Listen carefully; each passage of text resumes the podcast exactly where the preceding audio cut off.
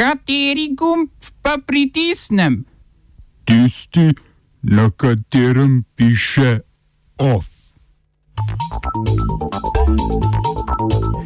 Katalonskim separatističnim evropskim poslancem oduzeta poslanska imuniteta.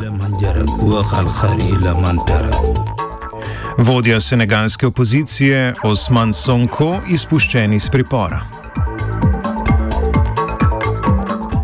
Praznični protesti v mehiški prestolnici.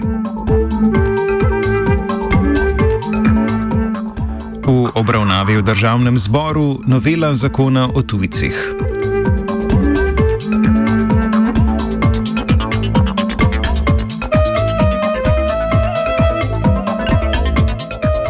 Pozdravljeni. Brazilsko vrhovno sodišče je razveljavilo obtožbe korupcije proti bivšemu predsedniku, voditelju delavske stranke Luizu Luli da Silvi. Leta 2017 so ga preiskovalci, ki so se zbrali pod skupnim imenom Operacija Autopralnica, obtožili pranja denarja prek dogovorov z gradbenimi podjetji v zameno za politične usluge. Sodišče je z odločitvijo Luli da Silvi tako povrnilo pravico do kandidiranja na volitvah. Nekdanji predsednik po rezultatih javnomnenjskih anket s 30-odstotno podporo državljanov na volitvah leta 2022 predstavlja najresnejšo grožnjo trenutnemu predsedniku, znanemu po desničarskemu populizmu, Jairu Bolsonaru.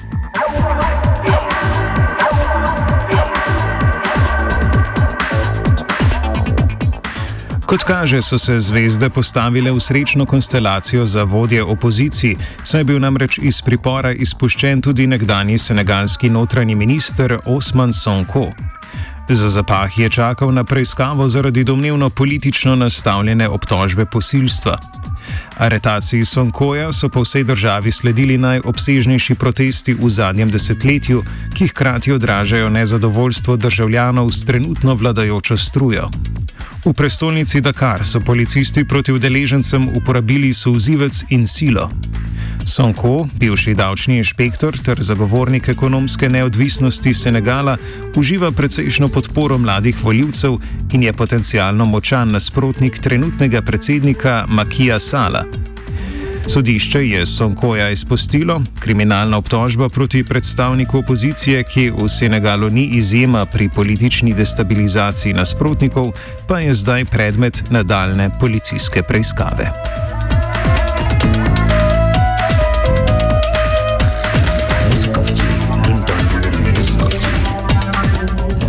Več tisoč protestnic je v mehiškem glavnem mestu Ciudad de Mexico praznovalo dan, ki pri nas obeležuje antifašistično fronto žensk. Mehiški bojda progresivni predsednik Andres Manuel López Obrador pa je dan obeležil s hvalisanjem o izpolnjeni kvoti žensk v svojem kabinetu. Udeleženke protesta so v spredje postavile Obradorjevo nezanimanje za odstavitev Feliksa Salgada kandidata za guvernerja, ki je bil dvakrat obtožen posilstva. Shod so obkolili policisti, ki so postavili barikade pred Narodno palačo na glavnem trgu prestolnice, da bi obvarovali stavbe in spomenike zaradi domnevne potencijalne nasilne infiltracije konzervativcev.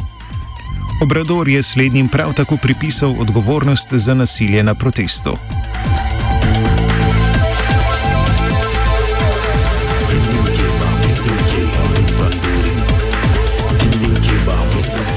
Evropski parlament je oduzel imuniteto trem katalonskim evropskim poslancem. Oduzem so zahtevale španske oblasti zaradi sodelovanja poslancev pri poskusu odcepitve Katalonije v letu 2017. Antoni Komin, bivši minister za zdravstvo, in Carles Puigdemont, bivši voditelj separatistov, sta se pred političnim pregonom zatekla v Belgijo. V Španiji sta obtožena ustajništva ter zlorabe javnih sredstev zaradi pobude razpisa ilegalnega referenduma o odcepitvi. Klara Ponsati, bivša ministrica za šolstvo, ki je obtožena ustajništva, pa trenutno biva na Škotskem. Oduzem imunitete ponuja pravno podlago za izročitev poslancev v Španiji, kjer bodo podvrženi sodni obravnavi, napovedali pa so pritožbo na sodišče Evropske unije.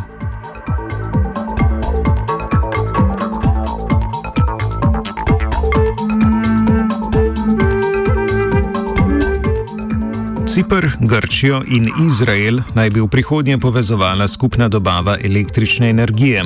Države so podpisale memorandum o soglasju, ki načrtuje gradnjo najdaljšega podmorskega električnega kabla na svetu, ki bo povezoval omenjene države.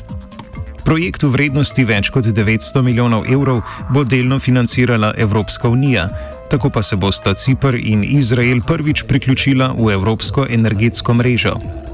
Kabel bo dolg okoli 1200 km in bo lahko prenašal 2 gigavata energije, kar je več kot dvakrat več, kot je trenutno najvišja poraba električne energije na Cipru.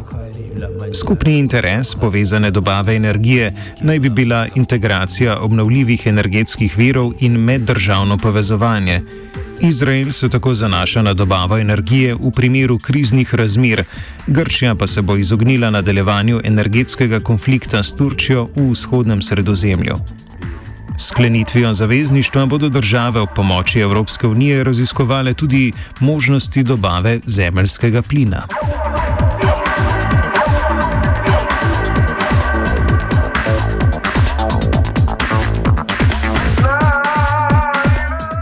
Poslanec v kabinetu nemške kanclerke Angela Merkel, Nikolaus Löbel, je po vzoru našega ministra za gospodarski razvoj in tehnologijo zdravka počivalška sodeloval v domnevno koruptivni dobavi medicinskih pripomočkov, natančneje zaščitnih mask.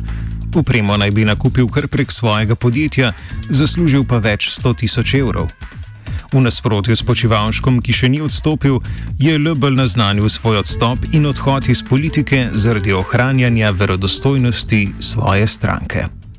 Oba, če bom odgovoril na angliški.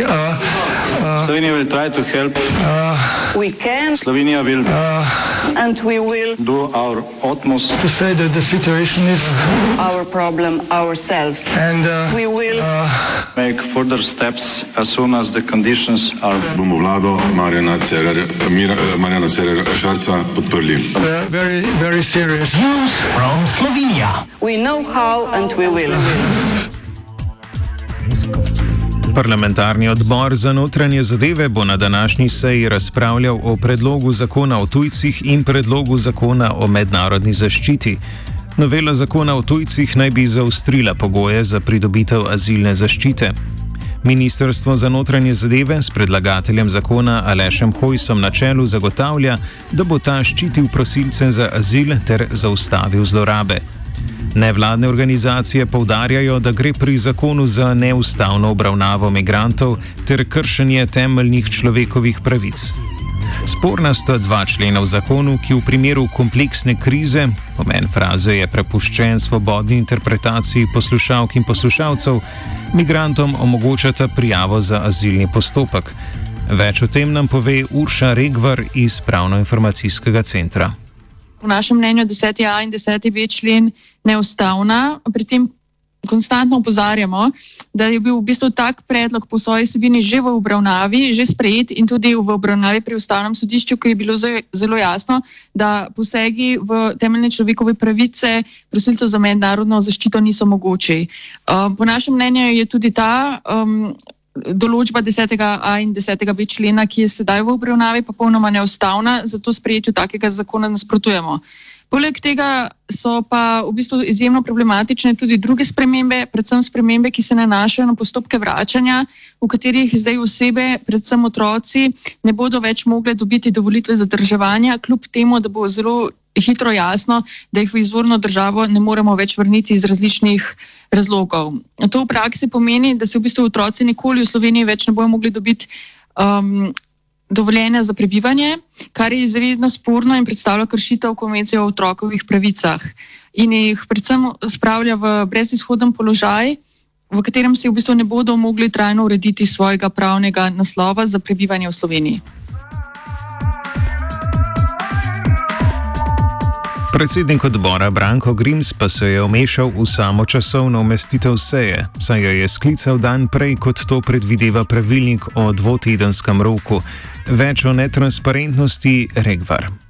Mi v bistvu že celoten um, postopek opozarjamo tudi na način sprejemanja teh dveh zakonodajnih predlogov, se pravi zakona o mednarodni zaščiti in zakona o tujcih. In sicer uh, nevladne organizacije smo se mogli boriti za to, da smo bili v zakonodajne postopke sploh vključene in sam zakonodajni postopek je izrazito netransparenten in neuključujoč. Um, ne pošteva se niti uh, mnenja stroke, ki se tudi strinja, da je 10a in 10a in 10b člen, da sta popolnoma neustavna. Tako da um, to vrstno sprejetje nas ne preseneča, smo pa nad njim izjemno razočarani. Za konec pa še novička o prekvalifikaciji slovenskega politika Karla Rjavca. Rjavec se je odločil za novo karjerno pot. Iz borca za upokojenske pravice se bo transformiral v strokovnjaka za zunanjo trgovino v podjetju Ishatel. Predstavnika zmerne opozicije je nekonstruktivna brezupnica očitno potrla dovolj, da se bo po dolgoletnem političnem udejstvovanju preusmeril na prosti trg ter v zagotavljanje slovenske konkurenčnosti na svetovni ravni. Bravo, Erjavko!